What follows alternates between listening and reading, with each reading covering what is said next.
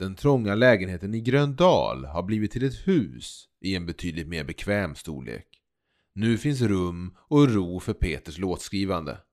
Och här sitter nu Peter, redo för ett nytt album och sträcker upp fingret i luften för att känna efter hur en hitlåt ska låta just nu. Oh, låt mig höra den en sista gång Spela hennes älsklingspodd med Peter LePaul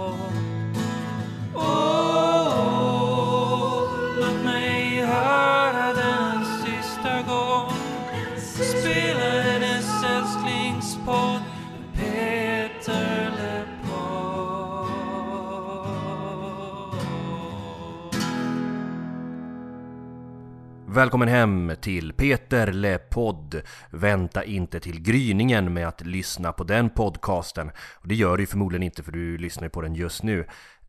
Jag heter Tony. Och jag heter Emil. Det vet ni förhoppningsvis om ni har hört våra tidigare avsnitt. Och är det så att ni är nytillkomna lyssnare, eh, välkomna till er också. Vi spelar ju in detta några veckor innan vi släpper det. Ja, är det en bra eller dålig idé spontant? Ja men det händer exempelvis att när vi har fått reaktioner Ja. så tar det ju ett tag innan vi kan svara på den, de reaktionerna. Mm. Alltså när vi har fått mail eh, och, och för, förslag på sociala medier. Mm.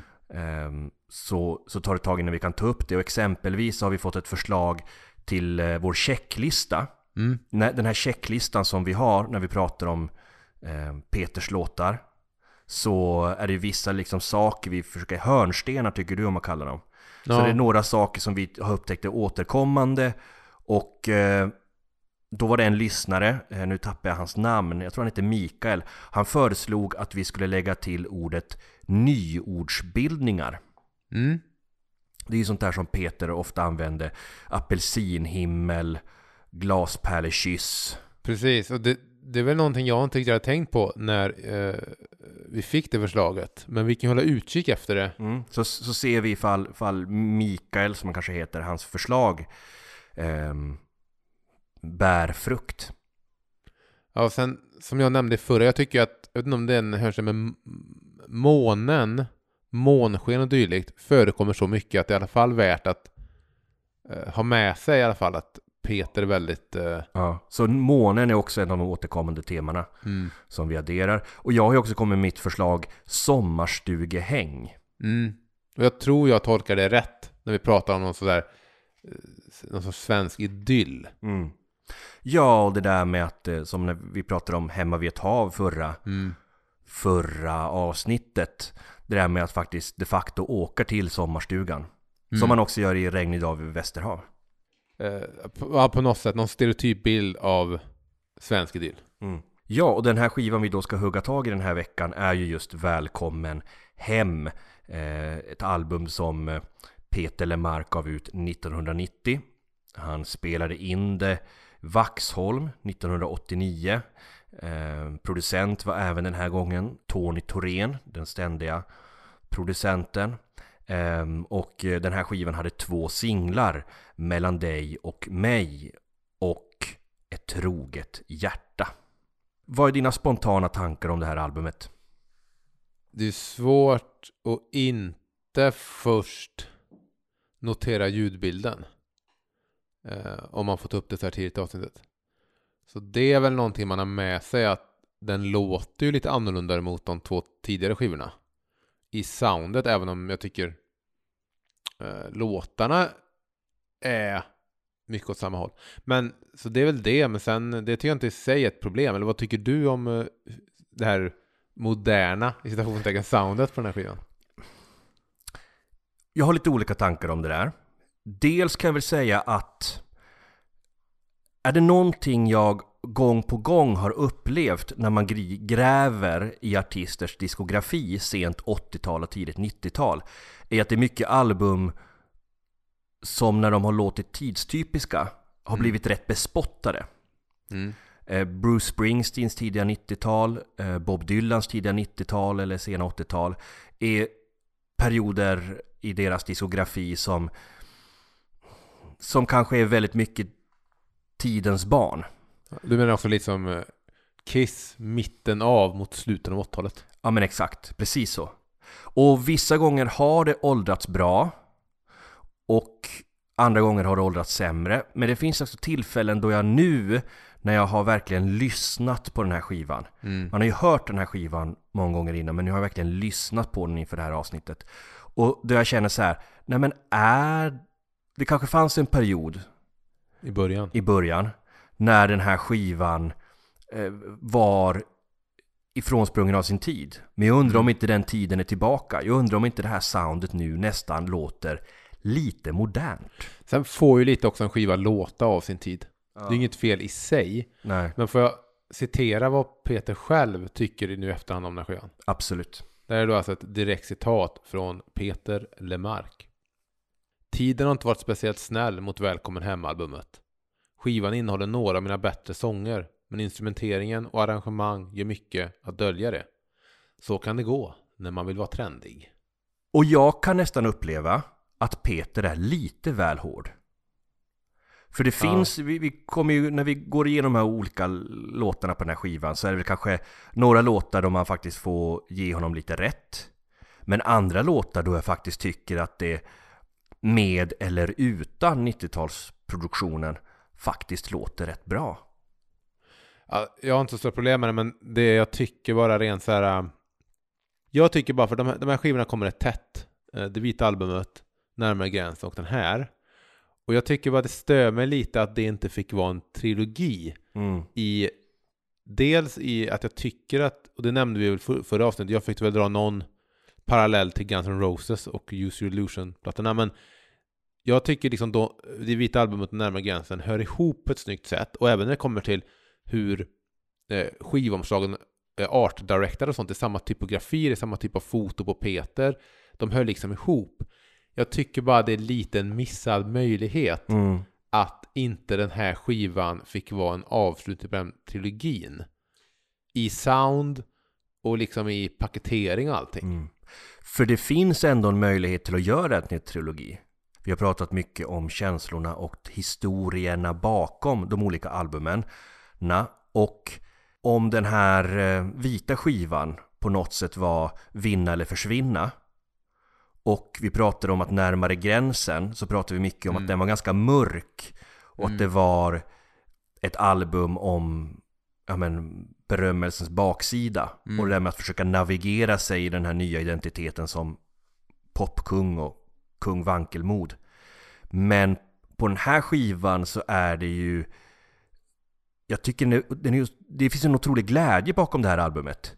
Mm. Så det är nästan som en final på den här trilogin. Men precis. Och, det hade, och hade man liksom eh, kanske skalat av en viss del av det här synt-soundet och låter den gå i den eh, soul-rocken Mm. så kanske, ja då hade vi kanske fått en mer sammanhållen känsla. För det är väl det jag saknar lite. Att men även om mm, Håll om mig var en stor hit och, och allt det här. Så det, det, det fanns en stämning i många av låtarna.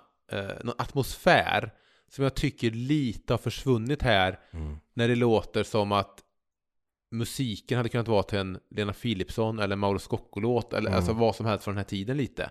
Jag tycker att den där, det finns en särprägel i de två första skivorna som jag inte riktigt hör här i musiken. Nej, så kan det vara.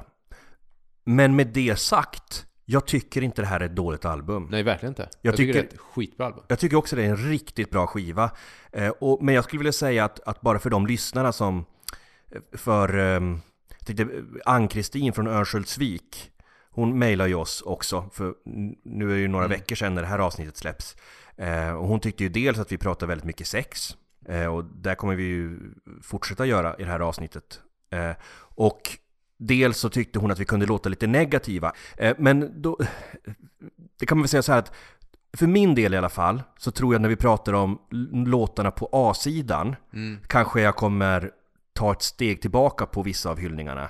Vissa låtar på A-sidan kanske inte är mina favoriter, men, men när vi pratar B-sidan här, det här är ju ett suveränt album. Så att, att det kommer komma hyllningar, var så Men- säkra. Men då nu då, om vi ska gå in på skivan så det och vi kommer då kanske inte vidröra de två CD-spåren eh, som är Jakobs kär som avslutar CDn och eh, Blå är nattens låga. Mm. Eh, där är också en sån sak jag bara stör mig lite på i min nördighet. Ehm, för att LPn eh, avslutas ju med vaggsång klockan fyra. Jag förstår inte riktigt varför inte Peter även lät CDn avslutas med den. Och alltså lägga den efter de två bonusspåren. Men har inte det att göra med, för det första, jag vet inte om det är så att eh, det är skivbolagen som vill lägga de här bonusspåren. Ja. Eh, men det där var ju en vanlig grej med CD-skivor. Alltså när CDn kom, att det skulle finnas med bonusspår för att det skulle vara ett extra säljargument för den här då antar jag dyrare CD-skivan. Ja, men du jag hade fick, du fortfarande fick bara mer material. flyttat. Ja, jag håller med för att det förstör ju den här perfekta avslutningen som är vaggsång. Ja. För jag tycker både Jakobskär vill jag säga och Blå nattens eh, låga är två grymma låtar. Mm. Men jag hade ändå bara, ja men då flyttar vi plats så att Vaggsång ändå avslutar även Ja, jag scenen. fattar. För att man får den där avslutande känslan. Jo, men jag håller med. Ja, skivan startar med titelspåret Välkommen hem. Och i den här boken då som vi eh, stödjer oss på mycket, hundra sånger, så pratade han ju lite om att den var svår att få till. Men att han då ville skriva en jublande glad, soulig kärlekslåt. Men då om kärlek som fått sina törnar. Man ska ju inte hålla på och kanske återkomma till samma sak om och om igen. Men det, jag, det enda att jag skulle i sådana fall tänka på med den här låten skulle vara lite negativt. Det är i sådana fall alltså uh, musiken, alltså, hur, vad, alltså att det låter lite liksom trummaskinigt och så. Men det är någonting också när jag börjar tänka på just när Peter själv har kritiserat skivan. Mm. Så satt jag och lyssnade på skivan och verkligen lyssnade och hörde alla de här äh, slagverken som ligger i bakgrunden. Och det ligger liksom väldigt mycket. Jag vet inte om du... Jag ska inte dra dumma paralleller, men jag vet inte om du... Och jag vill inte prata för mycket om Guns N' Roses. Men Guns N' Roses släppte en skiva på 2000-talet som heter Chinese Democracy. Som är känd för att det tog typ 10 år för den att komma. Och sådär. Och den väldigt kom bara... väldigt överarbetad skiva. Ja, precis. Att det är så här att gitarristerna själva vet inte vilka solon som är deras eller vilka partier som är deras. För att det var så många gitarrister in och ut, det var så många trummisar. Och de, den arbetades på liksom i tio år och liksom ingen vet riktigt vad de själva har gjort på skivan längre. Och så kan det kännas lite här, som att det, det är väldigt mycket som händer hela tiden med Mm. små saker överallt i de här låtarna. Låten lämnar mig ganska kluven. Mm. Produktionen, den är, det är som du säger, den är, den är överarbetad. Mm. Men jag, ty jag tycker inte den är dålig. Den har liksom sin stelben stelbenta charm. Men det finns ju liksom en soul-låt begraven som längtar efter att liksom få framföras live. Liksom få lätta på slipsen och, och dansa mer slängigt. Mm. Alltså det, det är en låt som vill strutta fram och den kanske liksom eh, kvävs lite i den här kostymen. Och det är väl det, jag vill inte, jag vill inte när jag sätter på en Peter-låt att jag behöver undra någon sekund så här, är det Lille Sussi eller är det Peter som går på den? Ja. Och det är väl det, alltså, för jag tycker också det är en skitgrym låt, men jag sitter bara och kanske tänker lite att, ja men vad hade hänt om det varit lite smutsigare? Ja. Om det varit lite mindre kanske då överarbetat som Peter själv säger att låtarna är. Mm. Sen, ehm, om vi ska prata själva texten, Mm. alltså den låten som finns där, så är det ju ännu en av Peters lyckade kärleksmetaforer. Alltså att kärlek, för att parafrasera poeten Bob Hansson, ska kännas som att komma hem. Ja.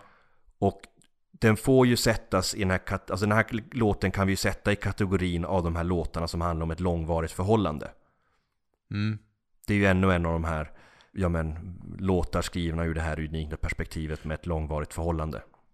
Eh, Men det jag gillar är att låt, den är rätt enkel. Jag lyssnade på en Mm. liveversion som finns på YouTube. Ja. Och så är det så här, han sjunger ju välkommen hem väldigt många gånger den här låten. Mm. Men alltså det, den, är, den är rätt så enkel, enkel refräng och även så här enkla um, upprepade Mm. verser liksom. Eh, det är enkelt men jävligt snyggt. Ja, så det är konstigt att han säger att det tog så lång tid att få till låten när uh, beståndsdelarna känns som att de är så... Kanske skenbart enkel.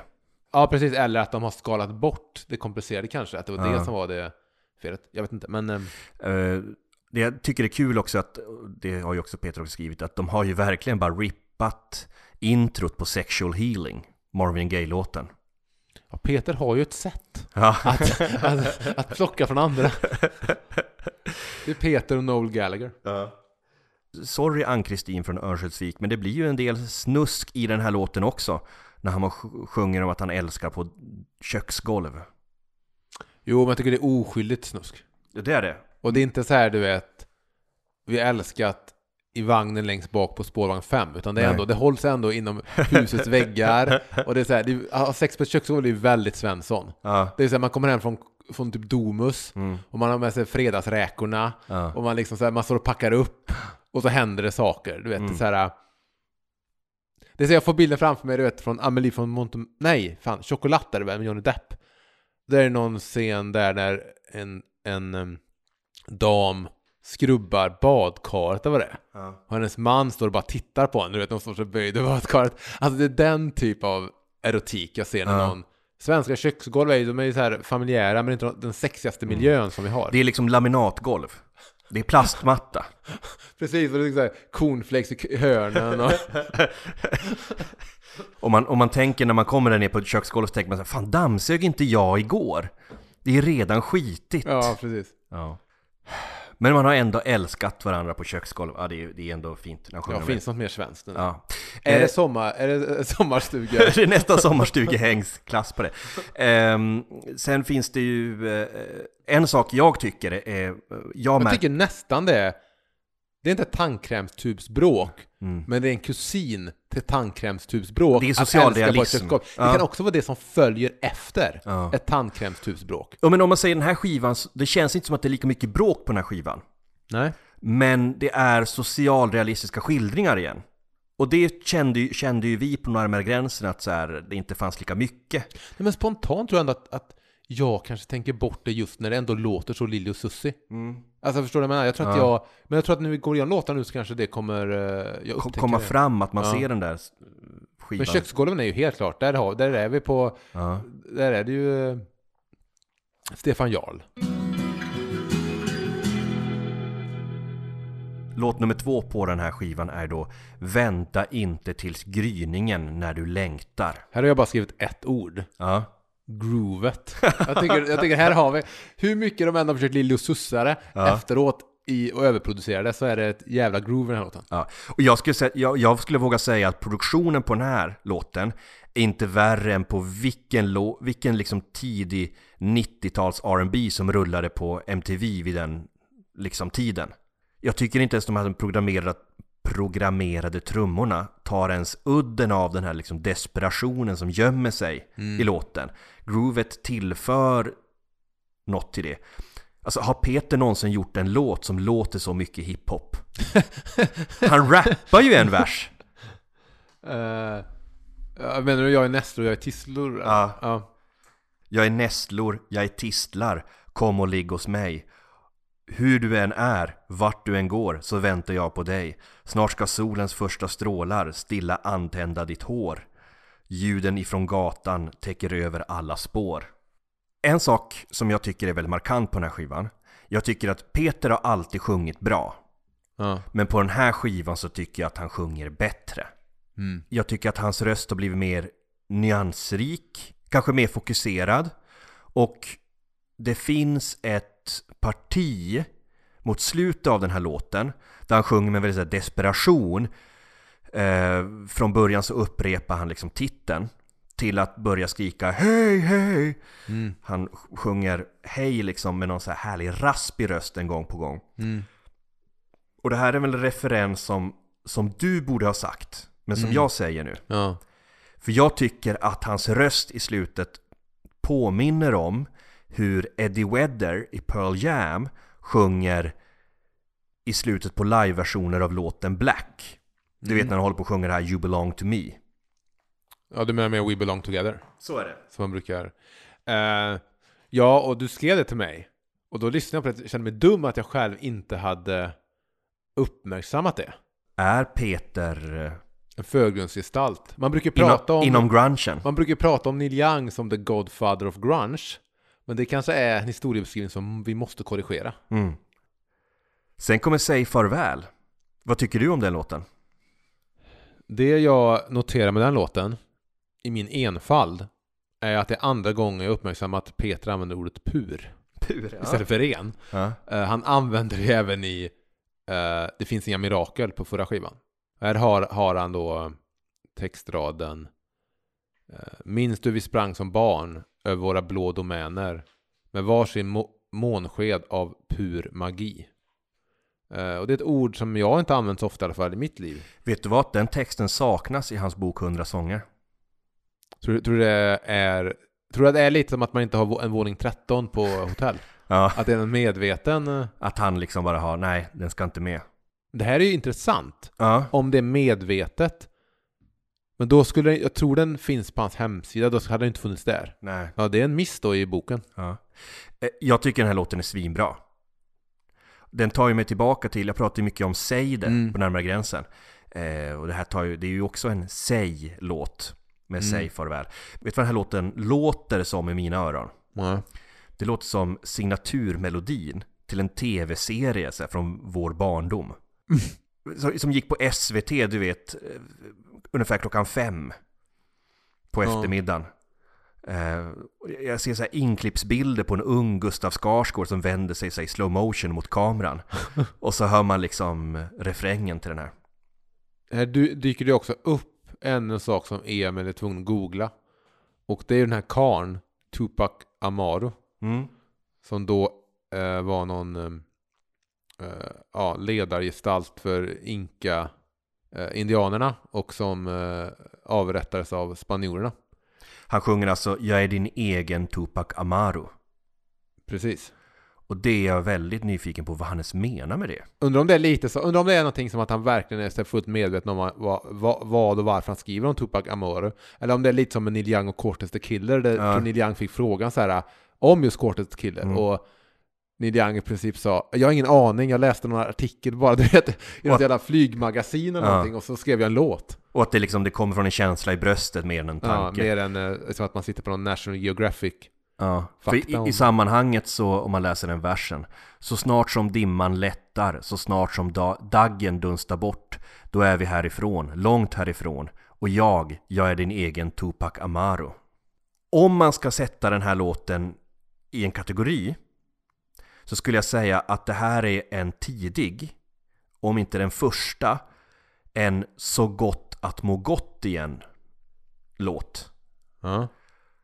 handlar den här låten om känslan att komma ut ur en depression. Jag tolkar det nog mer som att hjälpa någon ur en depression. Ja. Att, Att få någon att lämna depression mer kanske än att själv ta sig ur den. man, man försöker hjälpa någon vars hjärta är tyngt liksom. Ja, precis. Och han sjunger inte till sig själv då, utan han sjunger till någon annan.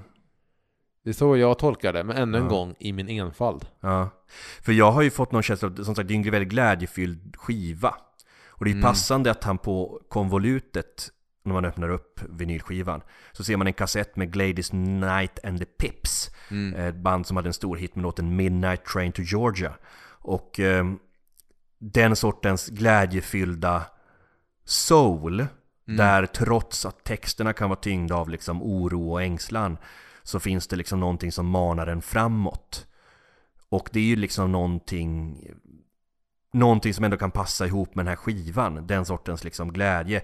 Även om, om det är låtar som låter också väldigt glada så finns ju alltid Mm. liksom den här oron och ängslan som återkommer både liksom i text och känsla. Jag är rätt säker på att han sjunger till någon Alltså att han inte sjunger till sig själv i tredje person på något sätt Mm. Om att eh, Det är att han ändå i, i, um, i refrängen som går Säg farväl, säg farväl nu älskling Säg farväl till dessa sömnlösa nätter Säg farväl till alla vita tabletter Säg farväl Att han använder ordet älskling det tror Ja, jag, det, om, man, om inte ordet älskling Mm. hade med Då hade det kunnat vara mer har ja, jag, skriver till, Men jag skriver egentligen om mig själv Mm.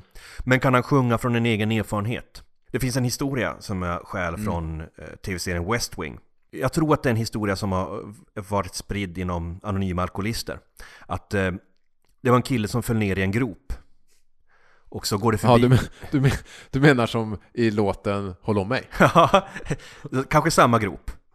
Han faller ner i en grop och så går det förbi en kompis och säger han hjälp mig och så hoppar kompisen ner i gropen och säger men vad fan gör du?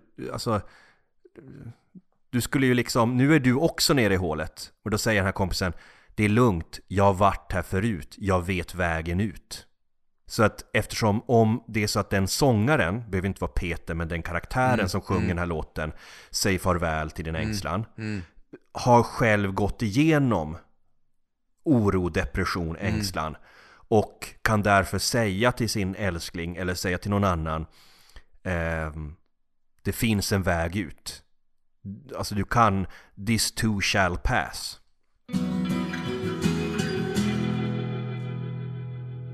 Och nästa låt är ju på skivan är ju då singeln Mm. Mellan dig och mig.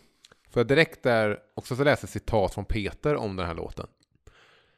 Ehm, en mer nutida Peter då, som ser tillbaka. Den tycker jag är bedrövligt dålig nu. Texten är okej, men arrangemangen är så jävla trist. Det var mycket det att man gick på den där grejen med att det skulle vara samplade trummor och trummaskiner och grejer. Han skrev ju, han har ju också skrivit att han skrev den här låten efter en formula. Mm. Att han hade fått någon bok som hette eh, How to write Ja, jag a har, hit jag har single. faktiskt titeln här om du vill höra. Ja, The Manual, parentes. How to have a number one the easy way, parentes. och då följde han väl den ehm, den manualen, den formulan för att liksom skriva en radiohit. Jag vet inte om det här blev en hit, eh, om själva låten blev en hit. Skivan sålde ju som vanligt platinum. Mm, den jäveln. Om jag gissar att det säkert det var en eh, någorlunda stor hit, radiohit. Men eh, här är nog den låten där jag tänker mest på hur det känns som att, du vet man brukar skoja så här, det finns så här bilder så här på någon Beyoncé-hit och så är det så här typ 22 producenter Mm. listade på den låten. Ja, Här känns det när man verkligen lyssnar på låten som det varit in väldigt många kockar ja, för att få till soppan som är låten. Jag tycker fortfarande det är en jävligt svängig hit. Mm. Men det är det att det låter väldigt så här mycket samplade små ljud överallt, ja. eh, låten. Och sen, det låter väldigt trummaskinigt då, som han själv säger. Men sen också, sen mot slutet så ligger det, kommer in något elgitarrsolo, så det känns som att det var taget så här typ, vad funkar i en hit? Och så så här, "Ja, ja men har ni inte hört den Bon Jovi-hitten som har ett gitarrsolo? Ja, släng in det också. Det är så att man bara slängt in allt i den här låten. Jag är inte jätteförtjust i den här låten. Men jag vet att det finns väldigt många som tycker väldigt mycket om den. Och jag såg på Instagram så var det två stycken systrar Ja. som hade tatuerat in mellan dig och mig på liksom på varsin bröstkorg. Ja, det är väl fint att man tatuerar in. Vad har du för Peter-tatueringar?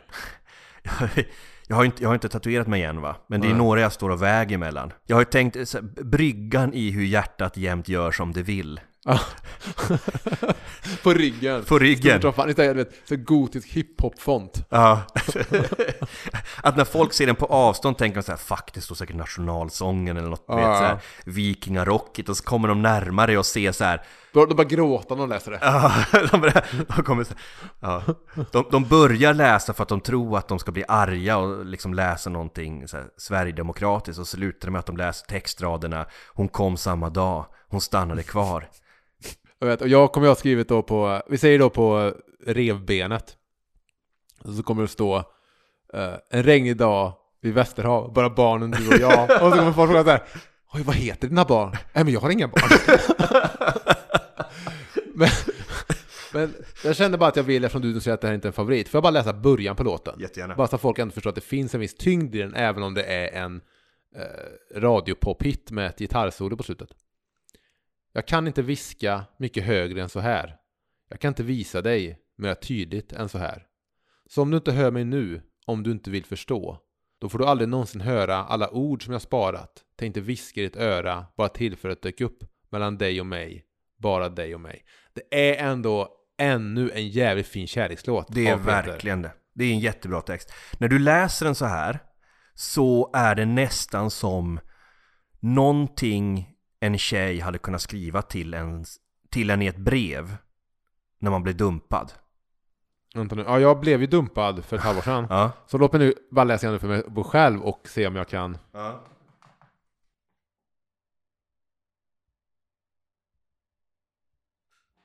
Nej men alltså det stämmer inte riktigt det du säger. Jag förstår i början kanske det kan kännas lite så, men sen när det kommer eh, Så om du inte hör mig nu, om du inte vill förstå så får du aldrig någonsin höra alla ord som jag sparat. Det handlar ju mer om att det är den som blir dumpad. Ja, precis. Alltså det behöver ju inte vara den som dumpar, men att, att det är ett sånt brev man, man som en annan människa skulle skriva till en annan. Jag behöver kärlek lika desperat som du. Ja, det känns ju lite som att den som, det är den som står det 22.00 en fredagkväll så, så bankar på sitt, sitt nyblivna ex dörr och skriker bara. Rop, ropar igenom brevinkastet. Ja, Precis. Jag behöver kärlek, lika desperat som du. Ja. Öppna! Göran, gå hem och lägg dig nu, du är full. Nästa låt på skivan är ju Mellan månen och mitt fönster. Och det är ju en eh, riktig Peter-klassiker, får man kalla det. Det är det, det var ingen singel men det är ändå en låt som jag skulle kunna tro halkar med i en greatest hits. Och en låt som kanske också många har tatuerat Mm. titeln på. Vad, vad, vad tycker du att den här låten handlar om? Eller vad tror du att den handlar om? Jag skulle säga att det här, den här kanske tillhör samma kategori, eller en kusin till Säg farväl. Alltså att det är låtar som handlar om att finnas där för någon annan som behöver en. Ja, Och det är väl en, jag säger inte att det är någon hörnsten, men det, det är något tema i hans låtar också. Mm. Att, att finnas där eh, för någon som har det svårt. jag har hört han använda ordet tröstesång. Mm. Men det låter väl eh, som att det kan vara namnet på kategorin av låtar då. Det är det som är kul nu när vi har kommit in Det här är tredje skivan vi diskuterar i sin helhet Och att man börjar känna igen de här kategorierna eller temana som återkommer Att de börjar cementeras på något sätt här har vi verkligen månen, jag vill bara säga det. Ja. Att, Månen skulle kunna hamna på den här checklistan Jag tycker den hamnar där nu mm. Jag trodde, min första tanke var när jag började lyssna på den här låten Alltså jag har ju hört den innan men jag har inte lyssnat. Mm. Så som man har gjort nu att man liksom gräver ner fingrarna i jorden och försöker se vad man får med sig upp. Var ju såhär, aha okej är det här också en låt till någon av sina barn?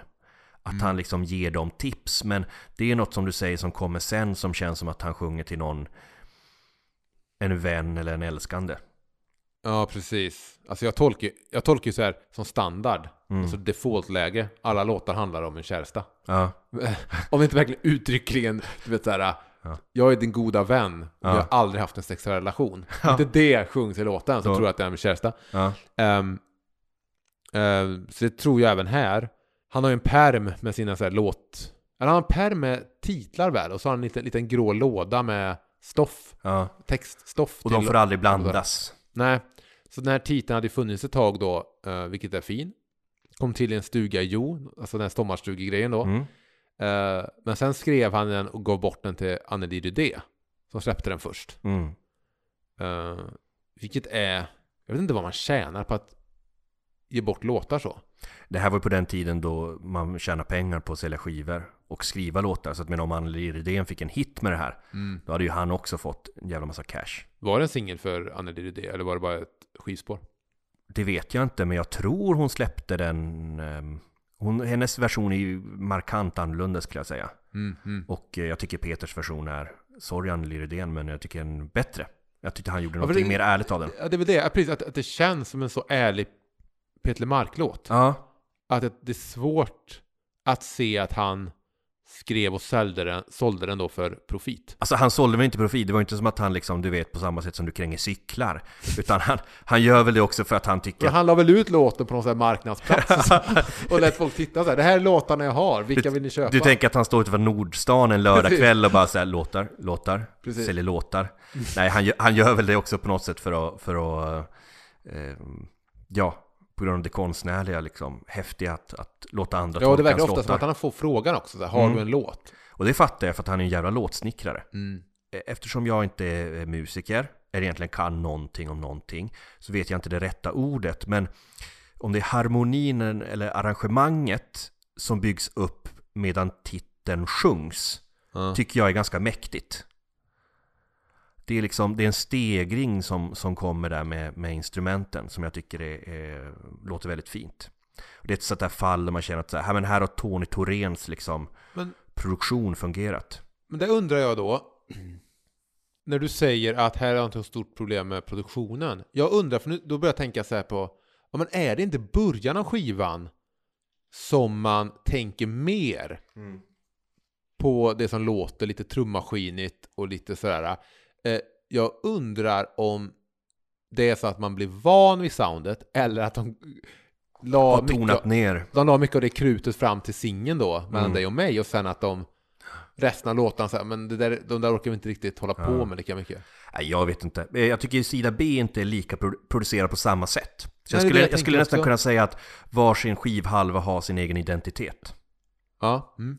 Det som finns på den här låten är ju också en gitarr av en av mina favoritgitarrister, Rolf Wikström. Mm. Roffe Wikström. Som du har en keps Jag har en Ja, keps, jag har en keps där det står Roffe Wikström. Eh, och när jag och min kompis stod identiska Roffe Wikströms kepsar utanför en Roffe Wikström-spelning och Roffe Wikström gick förbi så tittade han på oss som en av de största idioterna han någonsin sett och det kan jag förstå. Ehm, på, på den här skivan så hittar man ju två av Sveriges, om inte de bästa gitarristerna. Du har ju han som i konvolutet kallas för CS Jonsson, det är ju Karla, Jonsson från Eldkvarn. Eh, och så har vi Roffe Wikström som är med och spelar på den här låten, ett, ett jävligt fint solo. Eh, och Peter var ju bara året innan, eller det var väl 89 den släpptes, med på Roffe Wikströms eh, skiva där han tolkar Nils Ferlin. Mm. Eh, Mitt hjärta är ditt. En skiva som jag, som jag verkligen älskar. Eh, och jag eh, hade inte tänkt på att det var Peter man hörde på det albumet. Han är med och körar på, jag tror det är en eller två låtar, åtminstone ett brev. Ehm, och den, den låter, den skivan är helt fantastisk, så här, riktigt gubbmys. Plura är också med och sjunger på någon låt. Eh, men där han har liksom lyckats, på samma sätt, det Rolf Wikström har lyckats med på den skivan är att på samma sätt som när vi lyssnar på de här Peter Lemark-låtarna Mm. och vi slås ibland av hur liksom han får de här ibland ganska eh, högtravande och målande beskrivningarna och kännas ganska socialrealistiska. Mm. Så lyckas Rolf Wikström på den skivan få Nils Ferlins dikter från tidigt 1900-tal och låta som modern bluesrock och kännas som att det är eh, ja, men, nutida rocktexter. Eh, Så är man ett Peter Lemark-fan så tycker jag, hoppas jag, tror att man har eh, kollat upp den skivan. Jag har ju inte gjort det. Nej. Så nu sitter jag här och med Skäms. strålkastarljuset på. Ja, men jag, då får jag lyssna in den. Jag har ju tyvärr ingen Roffe Wikström-keps. Men... Eh, Man behöver inte ha på kepsen medan man lyssnar på skivan. nej, okej. Även om det hjälper. Eh, en lyssnare föreslog att vi skulle addera ordet bro till checklistan. Det svåra bara är att även när jag säger, även när jag la fram månen, Mm. Det finns liksom ingen riktig laddning bara när det blir ett ord. Nej. Du vet, du vet. Samma sak som att han sjunger ju om, eh, ja men till exempel här i den här låten vi pratar om nu, mellan månen och mitt fönster, så sjunger han till exempel så här, eh, det måste regna för att något ska kunna gro. Mm. Men det tycker jag inte är en hörnsten, att han sjunger om att det regnar. Nej. För att han vistas ju inte i regn. Förstår du vad jag menar? Så det är så här, vad är hans bästa, speciella relation till månen? Det har jag inte riktigt lyckats uttyda. Mm. Samma kanske med vad är hans relation till broar. Men visst, han använder broar ofta. Ehm, så det är sant, vi håller koll på det.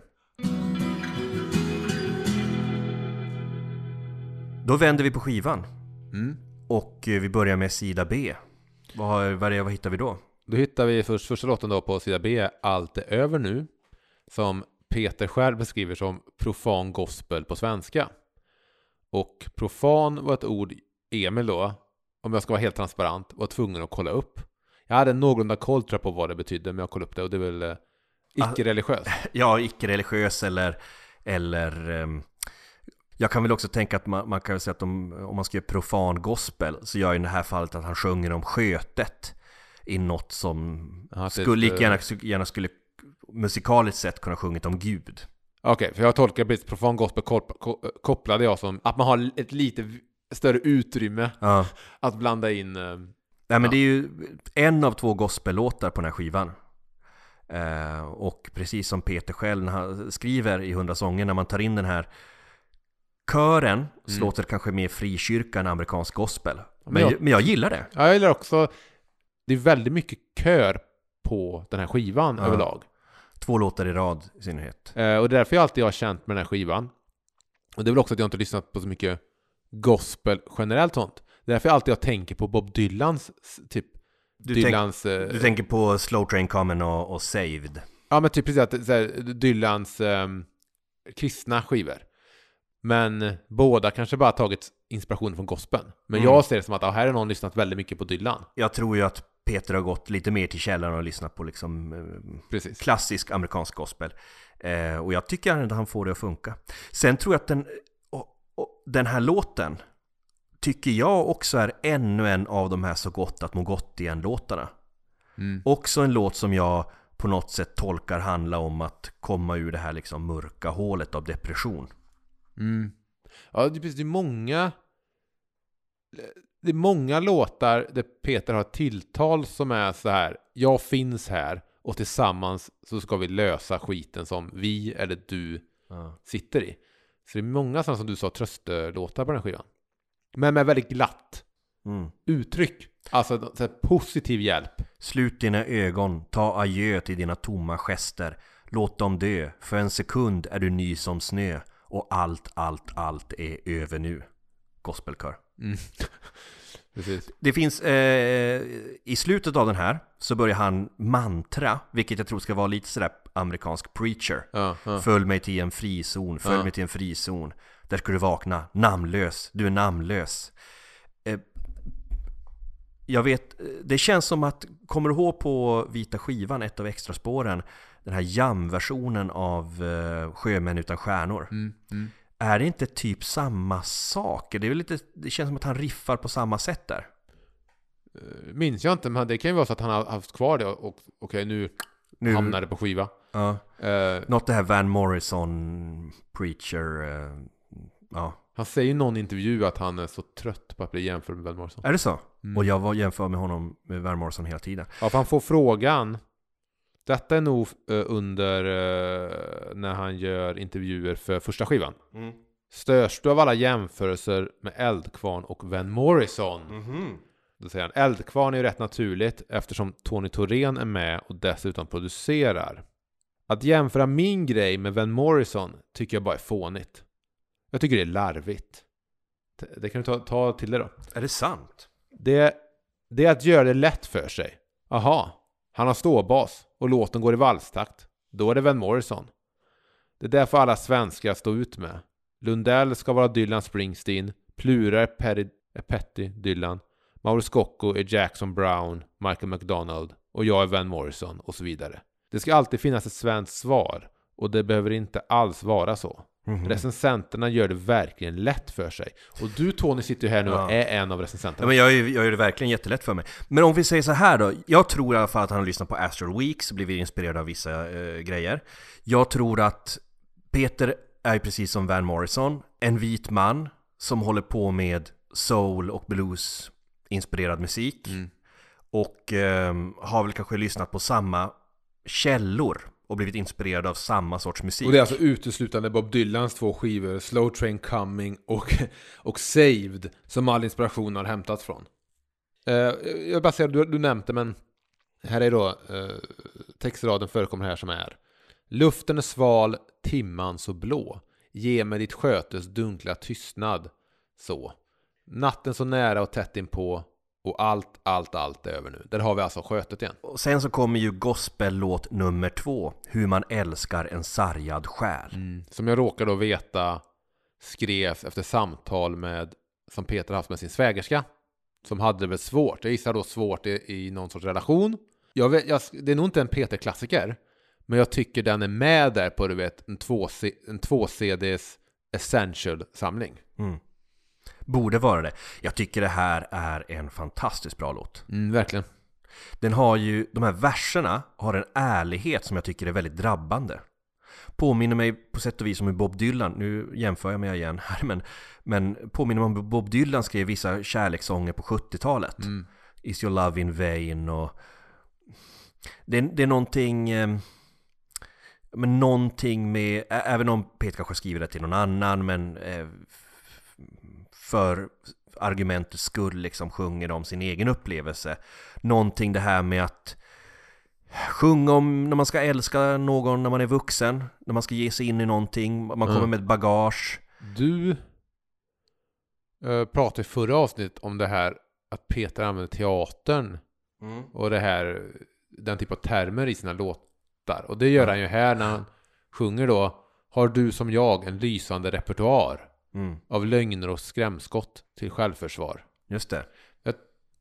Men jag tycker det är fint att det är så här det är liksom ett möte eller kärlek mellan två människor som du säger som har bagage, väldigt komplicerade själar och ju äldre man blir ju mer har man med sig och vissa har ju med sig mer än andra och upplevt mer och sådär.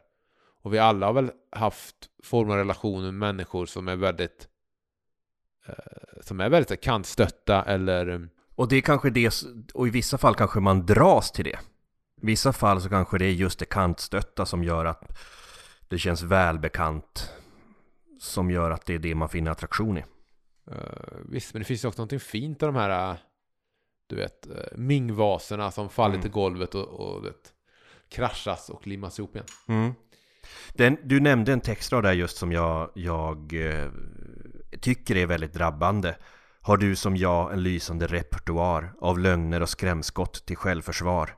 Bär du minnen och spår av spruckna förhoppningar som en blå tatuering du har kvar? Du alltid har kvar. Den, den versen är... Jag vet inte vad det är, för jag kan inte... Jag kan, inte, jag kan inte formulera vad det är i den versen som jag tycker är så otroligt träffande och drabbande. Men bara just det där med att har du också en repertoar? Och ibland kan det kännas som att man har byggt upp en repertoar. Jag känner igen mig i det där att man möter ju alltid någon med en fasad uppe. Första dejten, andra dejten, man vaknar upp tillsammans, det går ett halvår. Den där fa- fasaden på något sätt slipas ju bort mer och mer. Alla har ju, skyddar ju sig själva. Och den lilla själen som finns inom en. Eh, så det tycker jag är fint och, det, och just det här det skadade godset. Alltså att har man blivit behandlad illa eller fått utstå mycket i livet så blir den fasaden ännu starkare, ännu tjockare för att skydda sig. Alltså att man... Så det, det, det, ofta har man mött människor som har varit med om skit i livet som jag har mött och kanske varit eh, nära och sådär. Så är det ofta liksom att det tar ju lite tid att... Men det är som du vet en hund som blivit slagen. Den kommer ju inte komma till dig Nej. första året, två åren. Utan det krävs ju tid och så här verkligen få det förtroendet. Ja. Du vet. Och det är väl lite det jag tror han sjunger om där. Så, så vet du Emil hur man älskar en sargad själ? Jag var ju redo att göra just det med en sargad själ. Men istället så blev jag otrogen mot och dumpad. Nu är inte personen här och kan försvara sig men Nej precis, det här är ju min. Men den personen kan ju ringa in om vill och, och ta... mejla på. Precis, och ge din historia om hur det var. Eh, försvara din otrohet, din jävel. sen, sen är det roligt här att eh, Peter det, det är ju en sensuell skiva det här va? Som soulen bör vara och när, Ja. du, när du väljer att bli inspirerad av låtar som sexual healing och att när de kommer de är här om, man, om, man här, om man har sexual healing som målbild på något sätt så är det svårt att det inte osar av, liksom, Ja. det bara ångar. av köksgolvsex. Och eh, här i sist, den här liksom sista versen som nästan är en brygga kommer in, så eh, stick kanske där, så eh, kommer han och säger Säg att du ger mig mer än lite tillfällig tröst. Lägg en hand på mitt bröst. Möt min mun med din höft. Mm, jag har faktiskt eh, strukit under det, för det var min fråga till dig. Är det oralsex igen? Du tänker om det är ännu en skötet-låt? Ja, men Det måste men väl höft vara? måste ju vara en synonym i det här fallet, Mm. fallet till... Du tänker att eftersom sköt, sköte inte rimmade med bröst så blev det höft istället? man använde även höft tidigare ju, Mm. eh, i, på förra skivan och så. Så just det, möt min, möt min mun med din höft, det måste ju vara oralsex. Ja, och nu, förlåt Ann-Kristin i Örnsköldsvik, nu började vi prata om sex igen. Men så här är det ju att Peter är ju en av det är Peters få... fel. Det är Peters fel. Men han, är, han har ju gjort det till sin grej också. Och det man gör så bra är att han sjunger om... Men bland, kryssar bra mellan liksom relationer och sex. Mm. Och eh, Han är liksom så här, passionen är aldrig långt borta. han är sommaren med Monica, men bland svenska låtskrivare. Mm. Han bryter tabun och vågar prata om eh, det svenska köksgolvssexet. Och nu menar du Sommar med Monica Ingmar Bergman-filmen och inte Monica Monica då, som är hans eh, fru. Nej, nu syftar jag faktiskt på Ingmar Bergman-filmen. Även om då Peter klart haft många somrar med sin Monica. Men då säger vi, tycker jag, att ändå skötet dyker upp där igen.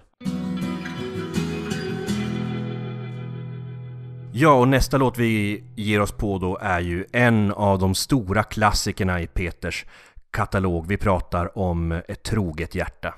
Vad tycker du om, eh, vad har du att säga om den här låten Emil? Var börjar man? Det känns som det är en, en, en, en låt lite skriven till mammor. Kan du förstå vad jag menar? Nej. Att du säger att det är en stor klassiker och allting, och visst. Men det är en låt som lite går mig förbi. Kanske att det inte är de genrerna du föredrar. Det här är ju en, eh, Peter har ju själv sagt att han har skrivit den här inspirerad av klassisk 60-talspop.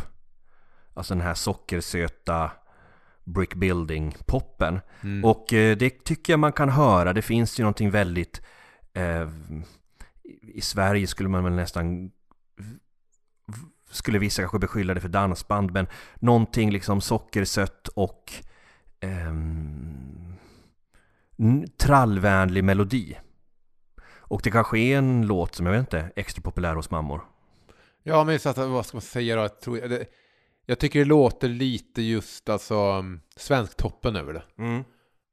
Jag, jag älskar den här låten. Jag tycker den är skitbra. Eh, och jag tycker att här märker man att de har tagit steg tillbaka på vad gäller produktionen. Att de har liksom låtit låten tala. Och låtit instrumentaliseringen låta lite mer 60-tal. Ehm, jag tycker låten låter rätt tidlös. Och jag tycker det är härligt att det är en liten gyllene söt liten refräng. Samtidigt som jag också tycker att låten kontrasterar snyggt av den här sorgsna texten. Han liksom lyckas ju ändå smyga in ganska mörka teman i låten. Alltså, det är nästan vissa saker jag säger här är ju saker man inte hade velat säga ett bråk till någon. Samtidigt som han har gömt det i den här liksom diabetessöta refrängen. Det blir för sockrigt för mig. Även om det finns någon sorts, liksom det finns ändå en, ett inslag av en hint av socialrealism och att ändå så här, jag har bestämt mig för att älska det. Det är inte så att jag liksom har fallit handlöst. Så finns det ändå någonting i den här brukskärleken som jag tycker om med Peter. Men visst, jag tycker sockerhalten är lite, lite för hög. Lyssna, lyssna på sista versen. Alltså det här mörkret som kommer in här. Mörkret! Jag kan ta på mig allt, du kan beskylla mig. Jag är så bra på att förgöra dig. Men du ska få min allra bästa lögn. Ett löfte jag vill ge. Alltså som sagt, det är, det är, det är svidande nästan. Men när det liksom paketeras i den här mot den här liksom trevliga melodin så tycker jag att det blir jävligt häftig kontrast. Men jag är också, precis som Peter då, gillar ju den här sockersöta 60-talspoppen. Mm, mm. Jo, men det är en fin låt. Jag vill också säga att i musikvideon, svartvit, han står på en scen ensam och spelar. Um, eller med, ja, men eh, så jag märker att mina vikar är oroväckande likt, lika hans vikar i den videon. Du tänker att det här är liksom snart, snart börjar han bära hatt för att... Snart börjar han bära hatt och det innebär att, att jag kanske snart borde börja bära hatt eller en Roffe Wikström-keps. Ja. Eh, samtidigt, jag, jag tycker han är cool i den där musikvideon. Han har lite skäggstubb och... Eh, han, han är ett, ett tryggt antal steg mer pop rockstjärna här än vad han var i Vänta dig mirakelvideon. Mm. Jo men han har lärt sig någonting, någon återhållsamhet i den där. Ja, den här låten känns ju också att vi får möta en ny sida av Peter här som, av, som låtskrivare. Som skulle utvecklas mycket senare. Att han, skulle, han har ju skrivit andra låtar i den här venen. Mm. Det här är en sån låt som jag tycker är så pass bra att jag nästan har svårt att hitta på saker att säga om den. Mm, Och här sitter jag och tycker bara att den är en låt för, du vet, för mammor i, i, som närmar sig, som har ramlat över 40. Ja. Och jag, jag vet inte, jag kanske har musiksmak som en typisk mamma. Eh, och du, till skillnad från mig så har du ett hårfäste som är helt okej. Finskt hårfäste betyder att jag har inget skägg att prata om, men Jag säger så bara så här, till nästa avsnitt så har jag köpt mig en hatt. det finns ingen återvändo. Ja, då börjar vi närma oss slutet på den här LPn. Och det här är väl näst sista låten. Och det är Fri Lejd. Som Peter själv säger då att han inte riktigt minns när han skrev. Men som han skriver i sin bok då att han kände sig troligtvis överkörd av någon i branschen och därför skrev han den. jag tror... Jag ska inte lägga... Jag ska inte beskylla honom, men jag tror han mycket väl vet vem han skrev den till. För det är en väldigt mörk text och känsla över låten. Eh, Men han kanske har... Han kanske är god nog och inte blamera ut vem den handlar om. Det är en möjlighet. Han vill inte skvallra liksom. Och jag tycker att när jag hör den här låten, det är då jag också börjar känna att fan, det skulle varit en trilogi. Samma typsnitt, samma paketering på de här tre skivorna. För att den här låten tycker jag har den där atmosfären som vi har hört. Även alltså en låt som Hemma vid ett hav, som han, han tycker är för disco och så här ängsligt producerad. Så tycker jag det finns ett, någon sorts, någon sorts svärta i atmosfären, i liksom känslan åt den. Och den tycker jag vi får här. Ja men det, jag, jag förstår vad du menar. Det är liksom första skivans som att vänta regn, Ja, och jag gillar också... mörker, Precis. Och jag hemma gillar, vid ett hav-mörkret. Och jag gillar också när Peter vågar gräva i mörkret. Alltså det blir lätt att det blir de här kvinnokörerna och de här positiva refrängerna och det ska liksom vara eh, i citattecken radiovänligt. Men när det blir så här bara något, något mörkret genomsyrade. Det, det är en låt jag brukar, jag, jag ofta tänker på är ju Vad är du rädd för? Som vi kommer att prata om om ett par skivor fram. Men där är en sån låt jag känner alltså, men varför kom det inte en hel skiva med det här soundet? Det bara, Jag kan väl tycka att det är...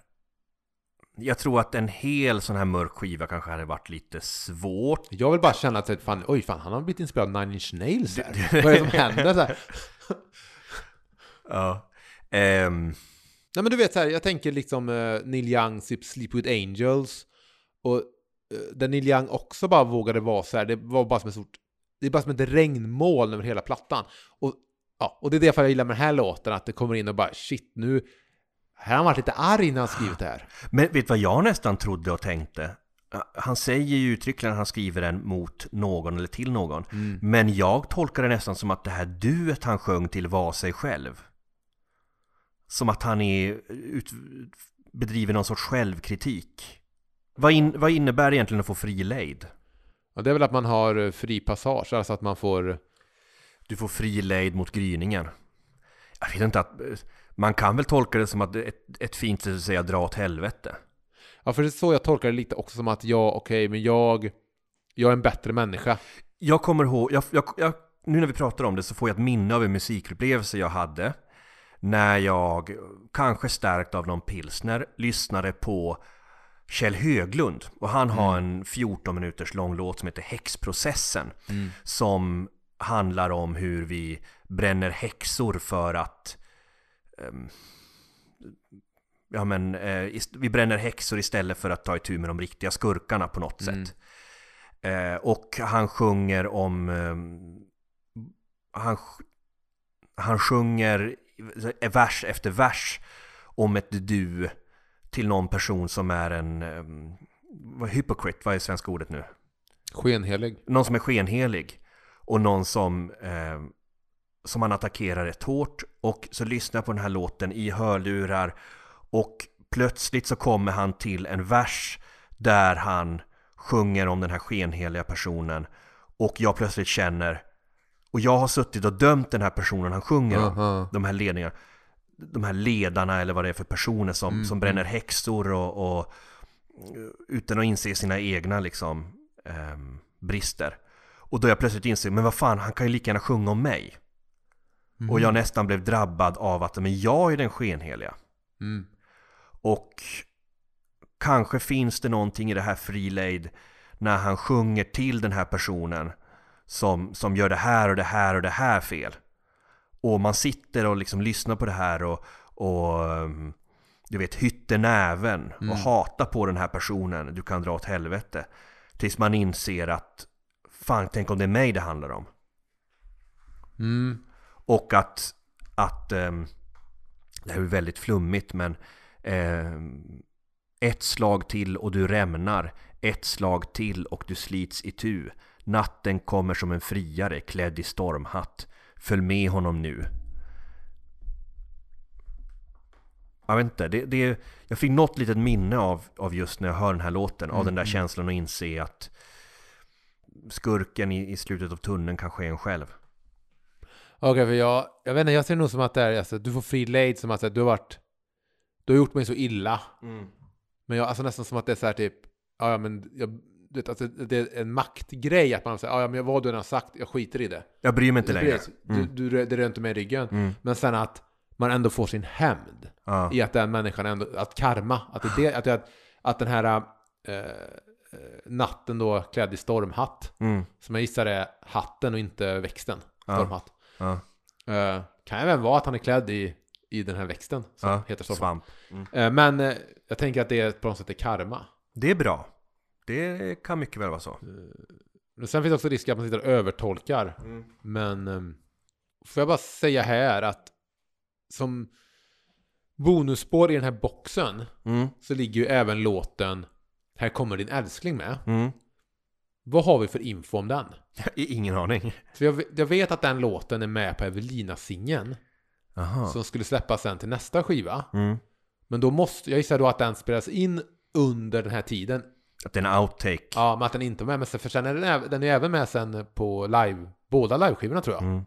Så att det är ju en, det är lite som Pearl Jams låt Yellow Ledbetter. Mm. Som var en B-sida men ändå blev en stor hit och, och typ avslutar nio av tio konserter. Ja. Att det är så här en låt som får sitt eget liv och blir en klassiker utan att man skickat ut den som radiosingel. Och så känner jag lite att, för här kommer din älskling, ser jag som en, ja men det är ju en av uh, Lemarks stora liksom, singlar eller, eller klassiker. Men hade någon då ställt frågan till mig, "Ah, ja men vilken skiva är den med på då? Ja. Jag säger, åh jävlar, vilken, vilken skiva är den med på? Och nu, nu den ligger med här som så här extra spår, inte ens, ex, inte ens ett spår på CDn, utan bara ett extra spår i den här boxen som kom för ett par år sedan. Och ligger på Spotify Och det också. finns på Spotify då. Eh, och, eller om man så vill, finns på Evelina-singeln Mm. till nästa skiva. Men eh, jag tycker bara det är en intressant låt på det sättet att det då var en låt som inte var värd att vara med på skivan kanske. Valdes bort, men ändå är en klassiker. Ska vi, ska vi ta oss an den stora elefanten? Kan vi skjuta upp det mer? Nej, det är ju skönt att den avslutar skivan då. Ja. Denna gigantiska låt, får jag väl ändå säga. Ja men det här är ju en låt som jag har svårt att hitta ord kring för att den är så pass bra. Vagg som klockan fyra på morgonen. Kan vara Peters bästa låt. Det här är magi. Ja, Var det inte så att vi gick runt och, och sjöng på den här låten när vi var med din eh, fästmö? vi, vi stod på en busshållplats och den ena började liksom recitera de inledande raderna och sen så sjöng vi oss igenom resten av hela, hela låten. Man kan inte sluta. Det är som vissa filmer är som börjar du, slår du på tvn och den filmen slår på. Så måste du se färdigt den filmen. Mm, precis, exakt så är det. Men här, det, jag, jag ska gå igenom vad jag gillar med den här låten. Mm. Dels att eh, den är kort. Vad är den? 2.30, den är punklång. Och det jag gillar med det är att det kän, den känns lite lik eh, Jag ska gå hel ur det här. Att han har skrivit en låt bara och struntat i, du vet, så här vers, eh, refräng, vers, refräng, eh, brygga, bla bla bla, gitarrsolo. Utan att det bara är så här, den här låten är det den var menad att vara. Mm. Att vi får i princip tre verser och det är ingen refräng utan det är ju mer en brygga bara. Det är bara en låt som händer. Ja, den bara precis. pågår, den bara rullar och så kommer nästa parti. Ja. Det, enda, det enda som talar emot eh, versionen på Välkommen Hem är att den inte har det gitarrsolot i slutet som man får på live-versionen. Den har en väldigt fin, eh, väldigt fin gitarr av Carla Jonsson där tror jag. Ja, men inte... Ja, jo, men den tar inte samma plats. Nej. Så, det, så är med, så på, på den Buenos Aires Mm. live-skivan så... Då har vi säkert pratat om den här låten igen. Ja, precis. Och då är det ju verkligen så här, ja, här kommer gitarrsolot. Men eh, det är det jag tycker bara om att den fick vara det den var. Ja, här känns den, för- jag har också mest lyssnat mest på live-versionerna. Och till och med, det var något tillfälle här nyligen då jag lyssnade på den här versionen, sen lyssnade jag alltså i sträck, cuade tre gånger i rad då, på den här låten, i då dels den här versionen, live-versionen från Buenos Aires, live-versionen från den 2008 live-skivan. Eh, och man märker att de har ganska specifik identitet. Ja. Och här så känns det nästan som country. Mm. Att den har liksom någonting eh, väldigt tydlig, enkel, berättande. Och här är ju liksom så lite produktion som bara möjligt. Här får ju liksom låten bara vara det den är. Inga stora yviga gester. Ja, precis. Och, det, och han, han har väl själv sagt att den skrevs på under en timma. Mm. Också på ett sätt lite- tycker jag lite likt Jag såg hel ur det här. Att det bara är så här, det är så ärligt. Ja. Men en sak som, eh, en sak i låten som han sjunger i första versen, är någonting där jag har fått tänka om vad det handlar om. Mm. För första versen låter så här då. Eh, när de lägger ner mig lugnt och stilla, när de lägger ner mig djupt, eh, då ska jag ännu minnas när vi låg i gräset eh, och himlen. Just novemberbrödet. När vi låg i gräset har jag alltid hört som att när vi låg på rygg i gräset och tittade upp på du vet eh, molnformationerna och det, det var den här lite kanske sommarstugs-idyllsgrejen mer, men kanske till och med nästan som att när man var barn, alltså att det är så här, du vet den bilden tror jag menar. Ligga på rygg och titta upp på himlen liggandet. Men sen när man får höra historien om hur låten kom till, att den då skrevs i den här sommarstugan i Jo. Eh, barnen hade lagt sig. Peter och Monica var ute nakna och tittade väl på solnedgången eller vad det var. Och så älskade de då Sex i det offentliga rummet. Precis. Möjligtvis att det, att det kan ha varit så att det var på deras ägor, jag vet inte. Men jag, ty- jag tycker faktiskt att det är utanför husets väggar. Mm. Och då får låta... Det är lite allemansrätt. Precis, så när vi låg i gräset, här, eh, får man tolka om då kanske? Men hur tolkade du när vi låg i gräset när du hörde låten? Från början så har jag också tolkat det som att men man har någon bild av att man ligger på eh, rygg och ser upp mot himlen. Precis. Men, men eh, med, den, med den historien, när man känner till det så ser jag ju väldigt tydligt nu historien om att, att när de lägger ner mig lugnt och stilla, eh, även den dag, jag dör, så är det här ett av de ögonblicken som, kommer, som jag kommer se när mitt liv passerar revy Aha. den där perfekta sommareftermiddagen man hade då man liksom älskade i gräset och inte fick fästingar. Och att Man det, låg bland stormhattarna. Ja, och att det liksom blir också... Det här är på något sätt det som är Peters signum. Jo, Att kan- sjunga om de här små ögonblicken i livet och, och minnas dem och liksom uppskatta de där stunderna som är en flyktig vardag, men som är helt per, alltså, som bygger ett, ett, ett lyckligt liv. Ja, precis. Som en regnig dag i Västerhav. Mm. Men det, jag sa tidigare att jag förutsatt att alla låtar han skriver handlar om han och en käresta. Mm. Det här är nog en låt där jag har känt att det här kan lika gärna handla om två bästa vänner. Mm. Det kan handla om alltså barndomsvännen, det kan handla om kusinen, det kan handla om den första flickvännen man kanske aldrig ens var intim med. Mm. Så det är väl det bara att låten var Den kan ju vara allt det också.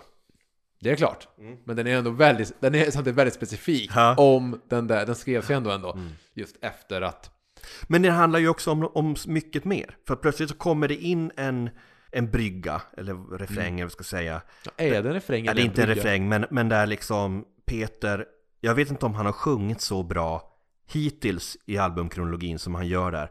När han liksom soular igång och som han skulle förfina sen på liveversionerna. Eh, jag har blivit bortbytt, köpt och såld. Där kommer det plötsligt in någonting annat. Där kommer det in liksom minnen av ett liv. Och det är trots att den här låten är två och en halv minut så rymmer den så otroligt mycket. Alltså den är som ett, ett liksom ihoptyckt dragspel. Dra, Drar man i den så kan man liksom se Ja men det- är också jävligt snyggt att han beskriver ändå all skit som kanske händer, så kanske också gör att ens själ blir sargad. All den skit man får, man får genomleva i, i livet. Men att det ändå finns de där ögonblicken som bara är 100% ljusa, positiva, ärliga, äkta, vackra. Som man liksom ändå... Man, man söker hela tiden i livet och man hoppas att det, att det pärlbandet av sådana ögonblick mm, är så långt som, som bara möjligt. mm. Så det är också det att man liksom kan hitta de där bara lugna andningshålen i livet när all annan skit liksom inte, Ja. inte finns och trycker på. Och sen kommer det ändå Ner för mina kinder rinner regnet kallt. Ja, där är han ju ute i, ute i regn såklart. Och det, det, det var ju också någonting man berättade om att när de hade älskat färdigt så kom plötsligt ett oväder. Precis, du vet när de kommit in så kom ovädret in. Vilket också på något sätt blir en metafor för just det du pratar om. Att den där lyckliga stunden man fick innan, innan ovädret eller livet Ja, men det är in. också en, s- ja, det är också en sån här snygg... Det, man det som egentligen inte betyder någonting, men det man minns. Det som gör det äkta på något sätt och Mm. inte gör det bara till eh, liksom ett, ett enkelt eh, butiksköpt minne. Mm. Eh, ja, det, ja, det var den här vackra sommarkvällen, men fan det pissregnade också Ja. hela kvällen. Vi satt där och det var fan ingen... Fan mottagning på tvn krånglade och det här var innan man hade liksom... Man har läst den där Kalle Anka-tidningen tre gånger redan. Ja, precis. Och så tar ju Monica fram Yatzy-spelet, men så saknas såklart en tärning. För i helvete, så vi försöker skriva om reglerna så att det går att spela med fyra tärningar, men det gick ju inte. Mm. Du vet. Det, ja. Jag skulle säga så här. Det finns, det finns ju vissa när vi har startat den här podcasten. Mm. Som så här, Peter Lemark. Ja, jag, som påstår att de aldrig har hört en låt med Peter Lemark. Det har Mm. de ju. Men om jag skulle någonsin spela... Finns det många garderobslyssnare av Peter Mark? Såklart det gör. Ja, självklart. Och speciellt, jag tror att det är många som, som inte vågar erkänna för sina vänner att de lyssnar på den här podden. Tycker att de borde, många fler borde, borde gå ut offentligt på sina Ja, sociala medier och säga Jag lyssnar faktiskt på eh, Peter Lepodd och jag står för det. Precis. Följ oss på Instagram på Peter Lepodd och nämnare till vänner Mm. och bekanta att jag följer för ta mig fan Peter Mark-podden på... Men skulle jag i alla fall möta människor som aldrig kanske någon som är född på em, 00-talet, som aldrig har hört en låt av Peter Lemark, då skulle jag säga det här är låten du ska lyssna på. Ja, och även om det är så här typ Vilken Peter Mark-låt ska vi skicka upp i rymden? Mm. Eh, då är i alla fall den här med. Bland, då hade jag slagits för den här. Ja, eh, på na, ho- hos NASA. Hade jag suttit där i ett rum, Tommy Lee Jones kanske spelar chefen för NASA och sådär. Ja. Så hade jag bara slagits för den här låten. Mm. Han bara, men Marvin Gaye, Sexual Healing ska vi skicka. Nej, ta mig fan! Fan! Vaggsång klockan fyra på morgonen. Och bara så här, om, en, om en främmande civilisation tar emot det bästa som vi har skapat. Då är Vaggsång klockan fyra en av de låtarna. För Sexual Healing, den tar inte upp de där små guldögonblicken i ens, i, i ens vardag. Nej, precis. Hur mycket Konsum finns det i Sexual Healing? Ja. Inget. kan, du, kan, du, kan du tänka dig eh, rubriken när det visar sig att, att eh, ja men, de, vad heter den? Rymdstationen uppe i Kiruna. De har äntligen skickat upp någonting i rymden. Vad har de gjort? Men de har skickat upp en sond med en, en minidisk med Pe- Peter Lemarks Vaggsång klockan fyra på morgonen. Vi tror att det är det här vi kan tillföra till rymden. Ja, precis. Det är så här typ... eh, eh, USA bygger så här baser på månen och Ryssland bygger upp någon så här... eh, skickar upp någon så här... militärt försvar i rymden. Så här, Sverige så här, vi kommer skicka upp Vaggsång klockan fyra. Vet du vad vi gör? Vi skickar upp Peter Lemark i rymden. ja, Sveriges regering har bestämt sig för att skicka upp Peter Lemark i omloppsbana runt jorden för att med en akustisk gitarr skicka ut livesändningar av Vaggsång klockan fyra på morgonen. Peter eh, Mark har sagt att, att han inte vill det här överhuvudtaget. Men Han kommer bli den första människan på Mars oavsett om han vill det eller inte. Jag känner ändå att det här är inte en låt vi kan citera enstaka rader ur. Precis som det är, jag tror så här, om man säger den absolut första textraden här Mm. så kommer resten oavsett man vill eller inte. Som jag säger När de lägger ner mig Lugnt och stilla När de lägger ner mig djupt Då ska jag ännu minnas När vi låg i gräset och himlen Just när ovädret bröt ut ge mig nåden att få gråta som ett barn. Att få falla stumt och mjukt. Och jag ska aldrig, aldrig mera vara modlös. Jag har varit där förut. Jag har blivit bortbytt Köpt och såld. Baktalad, grundlurad, tagen med våld Men jag har bränt alla pengar, gjort mig av med allt. Och nerför mina kinder rinner regnet kallt. Mitt hjärta slår så fort och fast. Men Ännu en natt som en villfaren gast Och fortfarande. Fortfarande. en främling. Det borde blivit morgon, blivit gryning borde blivit ljusan dag. Men för ett ögonblick är allting lika stilla som när vi låg i gräset, du och jag. Allt är bra nu. Gitarrsolo.